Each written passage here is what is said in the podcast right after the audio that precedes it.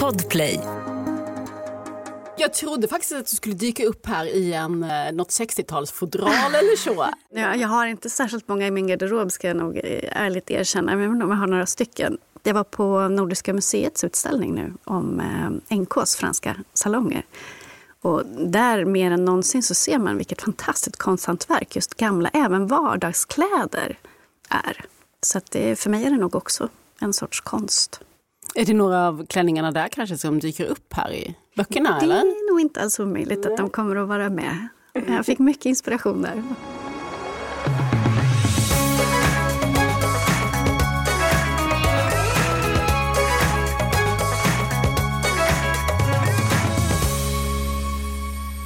Ett ett eh, konkurshotat auktionshus, en konstexpert med falkblick, en rad vidriga mord och så en nypa Skottland. Vi skakar om det här och fram stiger Stella Rodin iförd en välskräddad vintageklänning såklart. För hon är den färgstarka kvinna som Veronica Sjöstrand har satt i centrum för sin nya deckarserie. Första delen heter Den svarta dolken och Veronica är dagens gäst. Och sen börjar det ju bli dags att avsluta bokåret 2021. Och tillsammans med Johanna Stenius ska vi titta tillbaka på några höjdpunkter. Välkommen in till det 18 avsnittet av Samtal om böcker. Jag heter Lisa Tallroth.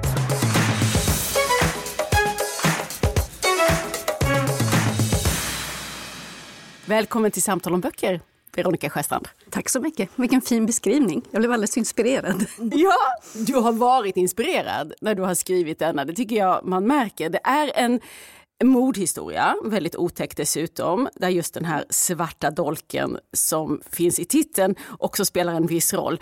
Eh, vi kan återkomma till den. Jag tänkte vi ska börja i en annan ände. Vi ska börja med den här inspirerande världen som Stella Rodin rör sig i. Vem är hon? Ja, hon är en internationellt känd konstexpert och expert på, på konstbrott. Så det är en, en, en väldigt smalt yrke. Eh, men hon är också arvtagerska till Rodins auktionshus.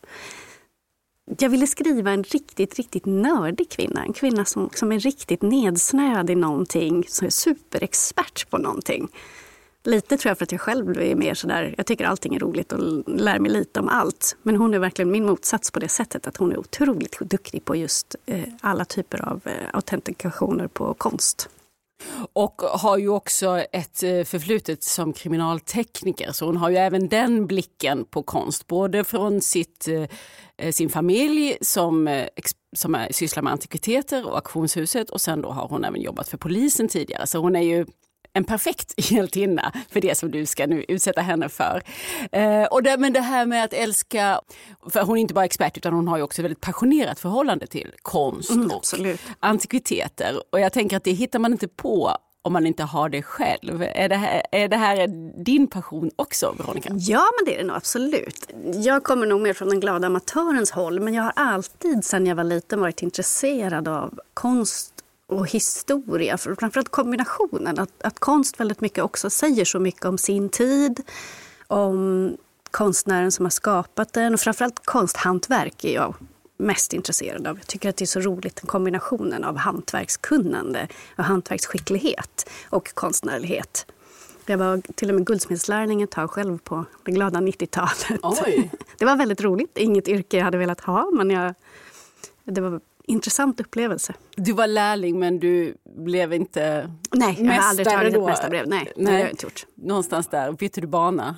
Nu rör vi oss i em, en värld av... Det, du har ju tryfferat den här berättelsen med många sådana, med mycket antikviteter, konstverk, konstnärer som nämns. Vi fördjupar oss bland annat i Churchill, som ju, Jaha. den gamla premiärministern som ju också eh, målade på sin fritid och en tavla eventuellt av honom spelar en viss roll i historien. Så vad är det, men vilken, vilken tid och vilka saker är du intresserad av? Vilka perioder i konsthistorien? Jag tror att det roliga är att vara allätare och det är lite det som jag tycker är fascinationen med ett auktionshus också. Att de, de säljer vilken epok som helst och just i epokblandningar så blir det också väldigt intressant att man, man hittar saker och kopplingar och kombinationer när man, när man faktiskt är lite mer allätare och tittar på lite olika epoker. Så jag kan titta på allt från, jag har skrivit barnböcker tidigare, där har vi skrivit om bland annat om Magellans världsomsegling på 1500-talet. En extremt fascinerande period som man verkligen inte tror att det är sant. Eh, men även modern konst, modern tid kan jag tycka är jätteintressant. Så jag, jag gillar nog koppling, blandningen. En hejdlös blandning skulle jag säga. Ser det ut så hemma hos dig? Är du, liksom, ropar du hem grejer på auktioner? Och... Inte jättemycket, nej jag försöker låta bli. För börjar man så är man liksom fast sen. Mm, ja, det är nog en salig blandning, men eh, inte så mycket 1500-talssaker. Nej. Nej, är en annan. Min bokhylla är nog väldigt mycket en blandning av. Men har du den här blicken för grejer som eh, ställ, nej, du gud, nej. ger Stella? Ja, nej. nej, nej du kan inte värdera liksom, någonting? Nej. Oh, nej. Så hur har du lyckats göra det i boken? För där får man ju veta en hel del om värdet på olika antikviteter. Jag tycker egentligen att en av anledningarna till att man skriver det är att man får frikort och ta reda på vad som helst och snöa in på vad som helst. Så det där är nog resultatet av en ganska omfattande research faktiskt. Mm. Sen blir det alltid fel och det kommer att bli saker som jag har hittat på. Men det mesta är faktiskt på riktigt. Jag försöker hålla mig så på riktigt det går. Så att säga. Och vi uppehåller oss särskilt vid 30-talet. Alltså berättelsen ja. utspelar sig ju helt och hållet i nutid men eftersom Stella Rodin blir hemkallad till Stockholm från sitt liv i Edinburgh där hon arbetar för en, just, en firma som sysslar med just, eh, vad är det de ja, gör egentligen? Eh, det, det, finns faktiskt sådana firmor ja. på riktigt som utreder alla typer av konstbrott. Både så att säga, om du vill ta reda på om en tavla är falsk eller inte kan du gå till en sån firma. Men det kan också vara om du får en eh, stöld hemma av dyrbara tavlor så kommer nog polisen tycka att ja, ja, fast det är faktiskt bara tavlor, vi har annat att göra, vilket, är, vilket de kan ha rätt i. Men då kan du gå till en sån firma. Eh, stora museer, om de har problem med säkerheten så vill de inte gärna tala om det för allmänheten. Så då går man ofta till en privat firma för att få hjälp. Så att de gör allt sånt. Och här får man ju lära sig otroligt mycket om hur en sån här eh, konstexpert arbetar. Alltså det, du har varit nere i kemikalierna här. Ja. för hur man liksom jobbar sig igenom lager på gamla tavlor och, och sådär. Det låter som en väldigt rolig research. Det är jättekul. Och det, börjar man titta på det så är det otroligt fascinerande. Mm. Och, men i alla fall då, så det, Stella blir ju hemkallad till auktionshuset i Stockholm, hennes familjehus, för att eh, reda upp eh, problem. Bland annat eh, så håller ju hela huset på att gå i konken. Ja. Och en idé hon har då är att arrangera en auktion med just tema Swedish Grace. Så då är vi ju inne på 30-talet. Och berätta lite om den eh, perioden. Varför har, varför har det blivit fokus i, i berättelsen? Ja, delvis för att, att jag tror att eh, Rodins auktionshus var på sin topp under de åren. Men mycket också för, för mig så tror jag Stockholm är väldigt mycket. Swedish Grace är ju liksom en, en stilepok och en tid då Stockholm var väldigt, väldigt glamoröst. Kanske, jag vet inte om det är rätt ord, men det är, det är en stilepok som är väldigt vacker. Tändstickspalatset, Stadsbiblioteket. Det är, det är en så vacker stilriktning och för mig är den så mycket Stockholm. Det här väldigt rena, stilrena men ändå väldigt mycket glamour, glamour i det. Så att, eh, det är en epok jag gillar. Och många stora konstnärer och designer som ja, slår igenom. Vill du nämna några som flyger förbi i boken? Eh, min favorit är ju Jean Jansson som är en guldsmed som startade Hallbergs guldsmedskedja, eller han tog över den. Och han var den första som i Stockholm hade fräckheten att börja annonsera ut sina varor på annonser i tidningar. Det, var inte, det, var inte, det hade man inte hört talas om på den tiden. Så att han är ju väldigt glamorös. Ett poddtips från Podplay. I fallen jag aldrig glömmer djupdyker Hasse Aro i arbetet bakom några av Sveriges mest uppseendeväckande brottsutredningar går vi in med hemlig telefonavlyssning och, och då upplever vi att vi får en total förändring av hans beteende. Vad är det som händer nu? Vem är det som läcker? Och så säger han att jag är kriminell, jag har varit kriminell i hela mitt liv men att mörda ett barn, där går min gräns. Nya säsongen av Fallen jag aldrig glömmer på Podplay. Men som vi vet så var ju 30-talet eh, också en ganska mörk period. Visade sig framförallt eh, i backspegeln att det var kanske mörkare än man anade ja. där och då. Vad det var som tonade upp sig och det här knyter du också an till i den här berättelsen. För den svarta dolken den bär ju på en annan del av 30-talets historia. Ja, det är en eh, så kallad SS-dolk som delades ut av Himmler under andra världskriget till sina SS-soldater. Det är en ganska känd antikvitet som handlas med på riktigt också. Inte av de stora auktionshusen, men det finns en väldigt stor handel med just SS memorabilia i världen. Hur dök du på den eh, historien om de här dolkarna? Ja, jag försökte förstå varför man kan förhärliga någonting, varför man ens kan tänka på det sättet. Jag, jag, tror att det är ett sätt för mig att närma mig rasism överhuvudtaget. Det här att skriva om. Och samtidigt så är det också det som jag kan tycka är jobbigt, är att de här dolkarna är jättevackra. De är estetiskt väldigt tilltalande. Berätta, hur ser de ut? De är väldigt stilrena. De har ett svart trähandtag med silver eller vit metall. En vit metallkopp uppe och nere som ser ut som ett, ett parentestecken kan man säga eh, i bägge ändarna. Och sen har du en inlagd örn på, på själva dolkskaftet också. Det är ju klart att det är, en konst, det är ett konsthantverk även det, även om det står för någonting väldigt fruktansvärt. Så det förminskar ju inte värdet i konsthantverket. Men det här var en, en hedersbetygelse, alltså en hedersdolk ja. som Himmler då delade ut till sina officerare inom den här elitstyrkan, ja. nazisternas elitstyrka SS. Ja. Är de numrerade sådär så det finns ett visst antal ute ja, i, det finns världen? bara ett visst antal i omlopp, ja precis. Och det finns någon här då som vill lägga vantarna på dem och som försöker göra det genom auktionshuset Rodin. Där kan vi inte, ska vi inte fördjupa oss så mycket mer i själva det mysteriet tycker jag, för det är ju trots allt en deckare det här. Men, men du, för sen så, jag sa ju det i början, det finns ju faktiskt en, en nypa Skottland i det här också. Ja. Och Edinburgh. Är det en plats som ditt hjärta klappar lite extra för? Ja, verkligen. Det är en av de mysigaste städerna som finns i världen, tycker jag. Nu tycker jag om att resa, så jag har, jag har en lång lista på städer som jag nästan skulle säga är de mysigaste i världen. Men eh, Edinburgh tycker jag är en topp fem. Vad är det man möts av där? Det är liksom en, en, ett koncentrat av Storbritannien, skulle jag säga. Som är på väldigt, väldigt liten yta så finns liksom allting från vackra medeltida slott till underbara pubbar. Men även ett, ett väldigt modernt liv. Det är en kombination. Väldigt mysigt. Har man inte varit där så är det en stad jag verkligen kan rekommendera. Har du varit där som och rest helt enkelt eller har du bott eh, någon Nej, jag har aldrig bott där. Nej, det har jag inte gjort. Men jag har varit där och rest åtskilliga mm. gånger. För det är ju där som Stella har sitt, sitt eget liv. Hon behöver ju ta sig lite ut ur familjens skugga. Den som hela tiden hotar att dra henne tillbaka eftersom, ja, det är väl uppenbart för läsaren att hon behövs där hemma i Stockholm om det, ska, om det här huset inte ska trilla omkull. Nej, och hennes familj är eh, på bristningsgränsen skvatt galna skulle jag säga. Men Ja. Det har varit minst, jag insåg halvvägs genom boken att det här är lika mycket en familjedrama som det är en deckare. Men det var väldigt roligt tycker jag. Jag får berätta lite om karaktärerna runt Stella, hennes familj. Ja, hon har ju haft en, en oerhört despotisk far som har styrt och ställt över det mesta och som har i omgångar tyckt att hon inte har dukt eller att hon har varit för lite engagerad eller för mycket engagerad. Så hon har nog aldrig riktigt varit liksom, i ett läge som han har tyckt varit perfekt. Så därför har nog hon bara struntat i det och sen smitit därifrån istället. Hon har en lillebror som har alla möjliga egna problem och som inte heller vill engagera sig överhuvudtaget. Familjens ryggrad är hennes farmor som är ändå den som har hållit ihop familjen under åren och som ger henne någon form av stabilitet kan man säga. Mm. Men för hennes mor är inte heller, hon, hon är verkligen skvattgalen.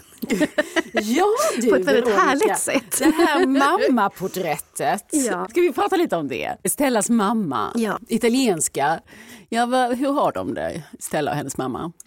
Ja, de har nog inte någon bra relation. Där Stella många gånger är mamma till sin mamma skulle jag säga. Eftersom hennes mor är väldigt emotionellt instabil och nog skulle behöva ha ganska omfattande psykologisk hjälp. Men det är någonting som hennes mor absolut inte vill ha. Så att hon kämpar mycket med att försöka omväxlande trösta sin mor eller styra sin mor till att inte bli alltför utåtagerande mot kunder och gäster. Och det är intressant att skriva om någon som inte riktigt har de gränser som vi vanliga människor oftast naturligt har, men som också kanske begränsar oss lite för mycket många gånger. Mm. Vad tänker du att det är för gränser hon saknar, Stellas mamma?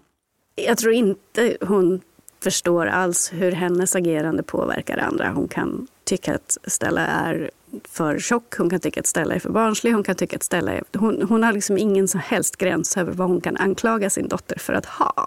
För att hon känner så i stunden. Och förstår inte då konsekvenserna av det hon säger. För jag kan tänka att det är inte så konstigt att man blir lite upprorisk om man är ingift i ett familjeföretag med en till synes perfekt eh, sammanhållen svärmor. En eh, man som har varit ganska dominant. Och sen den här exemplariska dottern dessutom som, Ja, som kommer och är liksom lite klarar allt. Jag kan känna en liten stråk av sympati för Ja, här. men det finns en, en rebelliskhet i det där Ja. som jag faktiskt också kan gilla. Man kan tycka att det är lite roligt. Och, och då när vi kommer in på det här, eh, de psykologiska aspekterna, för du har ju du har ett civilt liv, yrkesliv, om jag får säga så, som HR-specialist och HR-chef, haft stora personalgrupper. Vad är det för slags, är det en bra startbana för ett författarskap? Vad tar man med sig från det? Ja, det tycker jag verkligen att det har varit bra. Jag har, jag har nog eh, hanterat eller sett människor som har betett sig illa så mycket så jag har ett register för ganska många böcker framöver säga. Men det, jag tror också att det har gett mig väldigt mycket respekt för människor. Eh, jag har haft ynnesten, som HR-chef har man faktiskt ynnesten att få ha väldigt intima samtal med människor som man inte känner. Och och man får ju också, det, är en, det är en heder att få förvalta det som HR-chef, självklart. Men man förstår hur olika människors syn på livet är. Hur samma situation kan tolkas så olika från olika människor beroende på vad de har för bakgrund, för värderingar, för kultur. Det kan jag tycka har varit det absolut finaste med att få vara HR-chef. Det är att förstå hur olika vi ser på saker. Och det fascinerar mig verkligen. Och sen rafsar du ner lite anteckningar när samtalet, när samtalet är avslutat till Ja. roman. Ja, men precis. Ja, nej, jag har aldrig använt någon person faktiskt. har jag inte gjort. Även om jag haft en del i åtanke.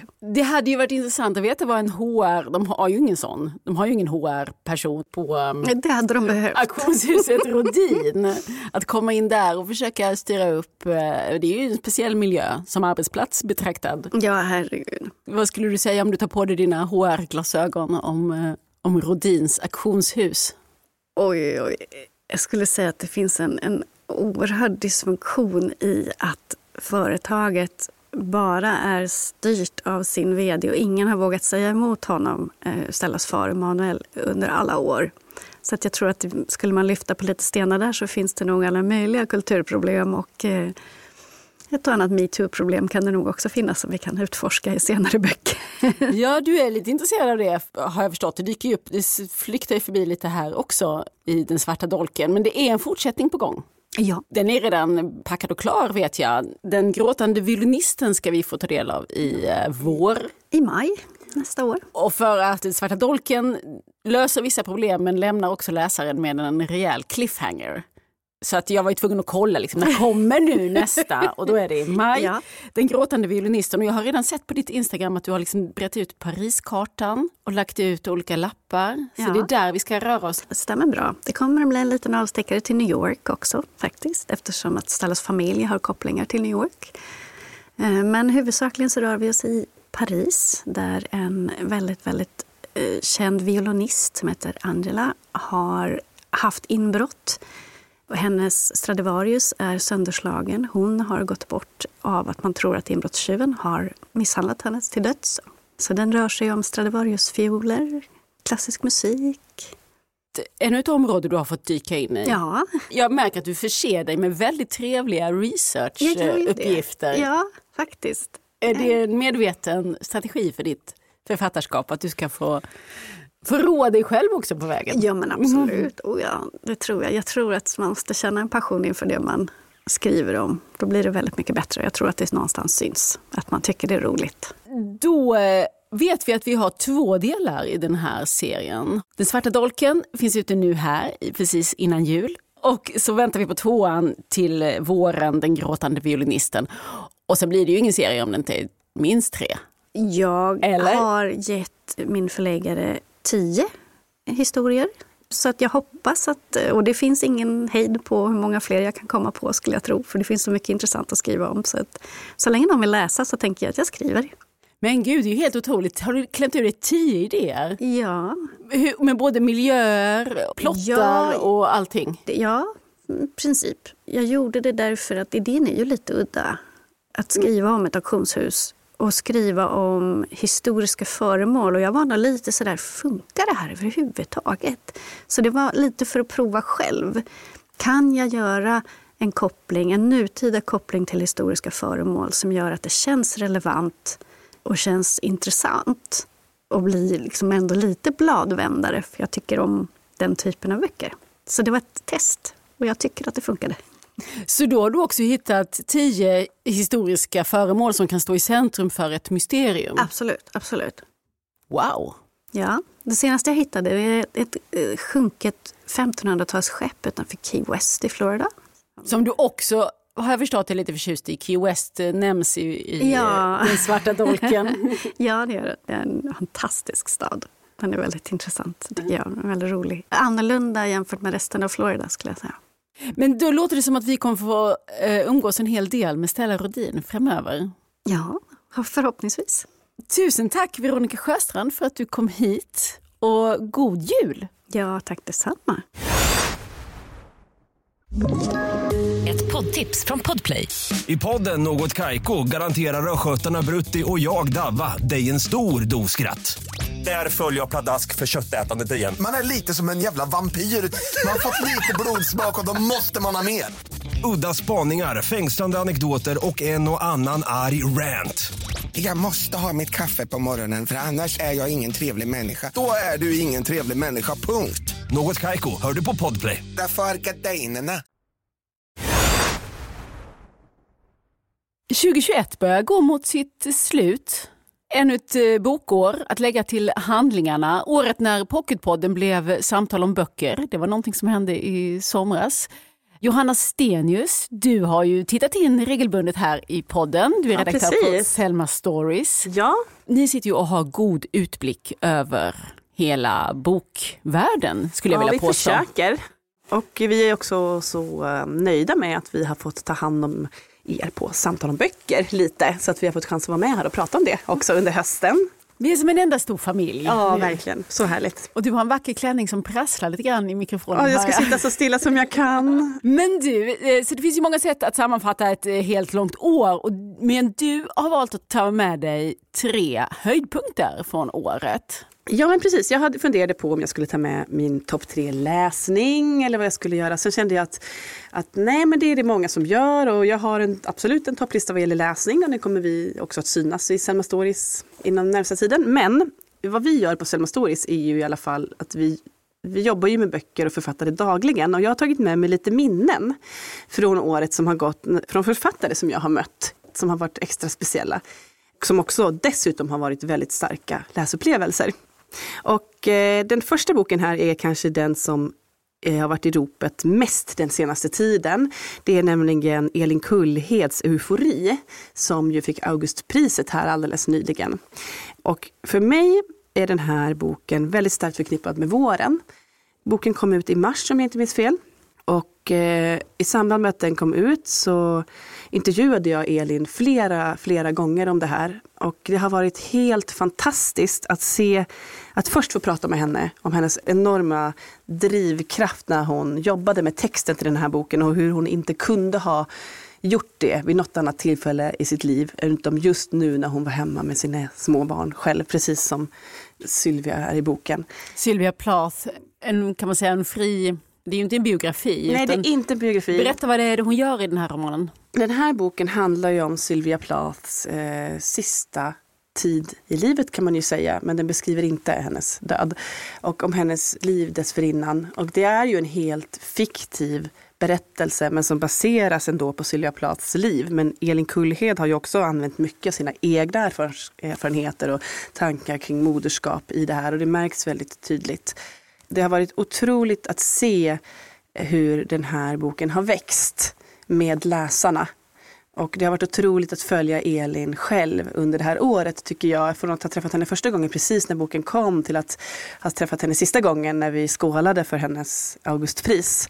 Och som den var så otroligt väl förtjänt av. Eh, så det måste jag säga att varit en av årets mest speciella upplevelser för mig faktiskt, att få följa med den här boken under utgivningen. Det är också en bok som vi alla som jobbar på förlaget har brunnit väldigt starkt för. Också för att hon är en fantastisk person helt enkelt, författaren. Elin Kullheds Eufori. Det kan ju låta lite mm, smalt sådär, en, en berättelse baserad på Sylvia Plaths. Eh, men den har ju ändå fått Augustpriset så jag tror den kommer ligga under många julgranar nu här Det tror jag verkligen. i år. Men jag skulle säga att den inte är så smal. Den är snarare väldigt allmängiltig. Den är lättläst. Den har ett otroligt starkt driv. Och den har stark också igenkänning kanske mycket för sådana som, sådana som jag som själva har haft en tid med små barn och känslorna kring det, men också väldigt mänsklig. Så jag skulle väl säga att det är en bred Augustprisroman som passar väldigt, väldigt många. Definitivt en av höjdpunkterna från bokåret 2021. Ja, och nu ska jag lyfta en annan höjdpunkt som är ganska, kanske för mig en personlig höjdpunkt. Nämligen den här romanen som också varit väldigt omtalad under året. Shuggy Bane av Douglas Stewart. Jag uppskattar verkligen den här romanen för det första. Den är ju en väldigt stark och mörk men ändå någonstans finns ett hopp skildring av ett barns uppväxt i Glasgow på 1980-talet.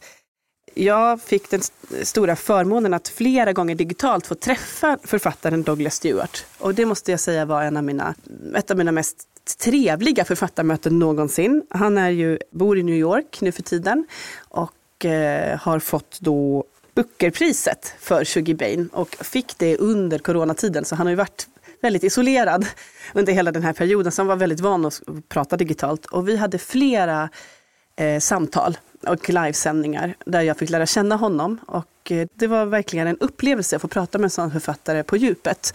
Vad är det han har velat göra med den här romanen, Sugar Bane? Alltså den handlar ju om en uppväxt som liknar hans egen. Jag skulle också säga att den handlar om eh, att vara homosexuell i en väldigt homofobisk värld. Han är ju själv uppväxt i Glasgow under ganska svåra förhållanden med en alkoholiserad mamma. Liksom pojken i Shuggy Bane, så Shuggy heter pojken. Och, um, den handlar mycket om hans eget liv, även om det inte är hans eget liv. Och det är ju det han har skrivit om. Och det finns en väldigt spännande bakgrundsberättelse till den här boken som ju har gjort sån enorm succé. Att den blev refuserad, tror jag, över 40 gånger innan den till slut eh, gavs ut och blev en sån världssuccé och fick Bookerpriset. Och Sverige var ett av de första länder, det, det första landet som köpte översättningen, så han har en väldigt varm relation till just Sverige. Nu var den redan stor när jag fick kontakt med honom, men det var väldigt spännande att se den också spridas över världen. Och nu kommer ju uppföljaren här till våren, så då hoppas jag att jag ska få chans att intervjua honom igen. Han kom också hit faktiskt, precis efter att coronarestriktionerna var slut. Och då fick jag också chans att träffa honom. Han kom in och hälsade och signerade lite böcker och det blev Ja, det var häftigt. Så boken är ju fantastisk. En del tycker den är, är mörk. Jag tycker att den är mörk men att det finns ett hopp i den här huvudpersonens integritet och självkänsla för sig själv som gör att eh, man klarar av det. Och det är en otroligt stark läsupplevelse. Douglas Stewarts uh, Shuggy Bane. Och den tredje boken jag har med mig det är kanske årets bästa bok för mig ändå som jag har som topp på min läslista. Eh, där jag tycker att rent textmässigt helt fantastisk och där också författaren har gjort stort intryck på mig. Det är Tove Folkessons Den stora kyrkan. Och den är ju en fristående fortsättning på en annan bok som hon har skrivit som heter Hennes ord som jag faktiskt inte har läst. Men det har jag. Och den är också väldigt speciell. Ja. Vi pratade i Pocketpodden om den, Hennes ord. Och det handlar ju om liv och död i de mest tydliga ändarna. Att ja. föda barn och att förlora en närstående. Precis det handlar den här boken också om. Att vilja väldigt starkt ha ett barn, att få ett barn och att förlora en närstående nästan i samband med det. Och eh, hon skriver ju så, det är som prosalyrik kan man ju säga. Det är väldigt stramt, ganska ofta är det ren poesi. Och jag älskar den sortens språk. Det är så vackert, vartenda ord är liksom vägt på guldvåg. Ja, jag blev helt uppslukad av den här boken faktiskt. Också av att hon har så starka beskrivningar av de här känslorna, liv och död och en helt otrolig förlossningsscen också i boken som hon verkligen har fått till väldigt starkt. Så den här boken tror jag ändå är min bästa bok i år. Också här fick jag chans att träffa Tove Folkesson och jag ville lyfta eh, i samband med det ett speciellt minne från i år som är årets bokmässa som ju både de, som, de få som var där och de många som inte var där vet var en väldigt speciell historia eh, med ekande tomma hallar. Men vi på Selma Stories, vi hade hyrt ett hotellrum väldigt högt upp i ett av tornen i hotellet i Gothia Towers. Och där hade vi inrättat en liten studio där vi sände live på Instagram. Och där författare och förläggare kom upp och pratade med oss och gjorde livesändningar. Och då kom eh, Tove Folkesson upp med sin förläggare Helene Atteling och de skulle göra ett samtal. Och det var så speciellt för precis när de kom, då gick solen ur moln utanför och det liksom silade in ett helt fantastiskt sken i rummet på dem när de stod och pratade och det blev liksom en sån kyrklig stämning. Och när man har varit med om så få möten, för allt har varit så avstängt i år, man har ju bara suttit digitalt, så blev det så starkt möte att bevittna. Just den här speciella situationen, det var så tomt överallt och vi var i det här rummet, fantastiskt ljus och hon pratade om den här otroliga boken och även läste ur den. På, hon är ju otrolig på att läsa högt också. Så den, det blev liksom ett starkt minne förknippat med när jag sen läste boken och tyckte den var så fantastisk. Jag tänker det var väldigt passande just för Tove Folkesson för utöver de här inre upplevelserna som hon skildrar så har hon ju också en relation till eh, platserna hon är på, på Öland som ja, hennes mm. berättelse till stor del utspelar sig. Och eh, hur, hon, hur det här landskapet också speglar hennes eh, inre frågor. Ja, verkligen. Hon har ju väldigt stark relation till, till landskapet och ljuset. Och det ser man ju också, det här titeln, Den stora kyrkan, kommer ju, det är ju också en beskrivning av, av landskapet. Så, och man ser ju bokens omslag kopplar ju väldigt starkt till det öländska landskapet. Hon har så himla, allting en sån helhet i det hon gör faktiskt. Eh, det är otroligt vackert. Tove Folkessons Den stora kyrkan. Det fick bli din tredje höjdpunkt från Ja, det var min tredje höjdpunkt. Jag har många, många, men det var svårt att välja. Men jag kände att, att de tillfällen man faktiskt har fått träffa en författare på riktigt eh, händer ju inte så ofta nu för tiden. Det är de man kommer ihåg starkast från året som har gått. Jag har säkert gjort över hundra livesändningar i år på Instagram men de här fysiska mötena är ändå de som stannar kvar eh, nu när jag tänker tillbaka. Så. så vi packar ihop 2021 och tittar fram mot 2022. Ja, det gör vi. Har du några särskilda böcker som du ser fram emot? Jo men eh, jag längtar ju definitivt efter uppföljaren till Sugar Bane, Unge Mungo. Den ser jag verkligen, verkligen fram emot att läsa. Jag har, den verkar otroligt stark. Sen skulle jag väl lyfta fram eh, en fristående bok som kommer till våren som jag redan har läst på engelska som jag ser verkligen också fram emot att ta del av översättningen, nämligen Natasha Browns Assembly som kommer till våren. Det är ju en ung brittisk författare som skriver om, om eh, ras och klass i Storbritannien, nutida Storbritannien. Och det tycker jag är jättespännande. Överlag nutida Storbritannien känner jag för att läsa mer om nästa år. För det händer så mycket där och det finns ju väldigt mycket intressanta författare. Och jag ska säga att redan nu kan man gå in på Selma Stories. Där har vi redan redaktionen listat några böcker som kommer ut nästa år. Om man är nyfiken på våra spaningar så finns det redan nu på selmastories.se en spännande lista på 2022 böcker som vi längtar mycket efter, mm. alla i redaktionen. Och fler höjdpunkter från 2021 också. Ja, det finns det definitivt. selmastories.se. Tusen tack Johanna Stenius. Tack Lisa. Nu tar vi ett litet juluppehåll här och är tillbaka igen den 14 januari och önskar god jul och gott nytt år. God jul!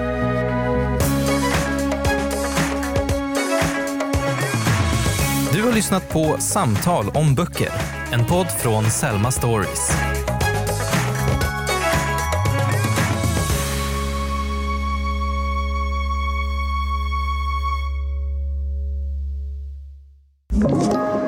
Podplay.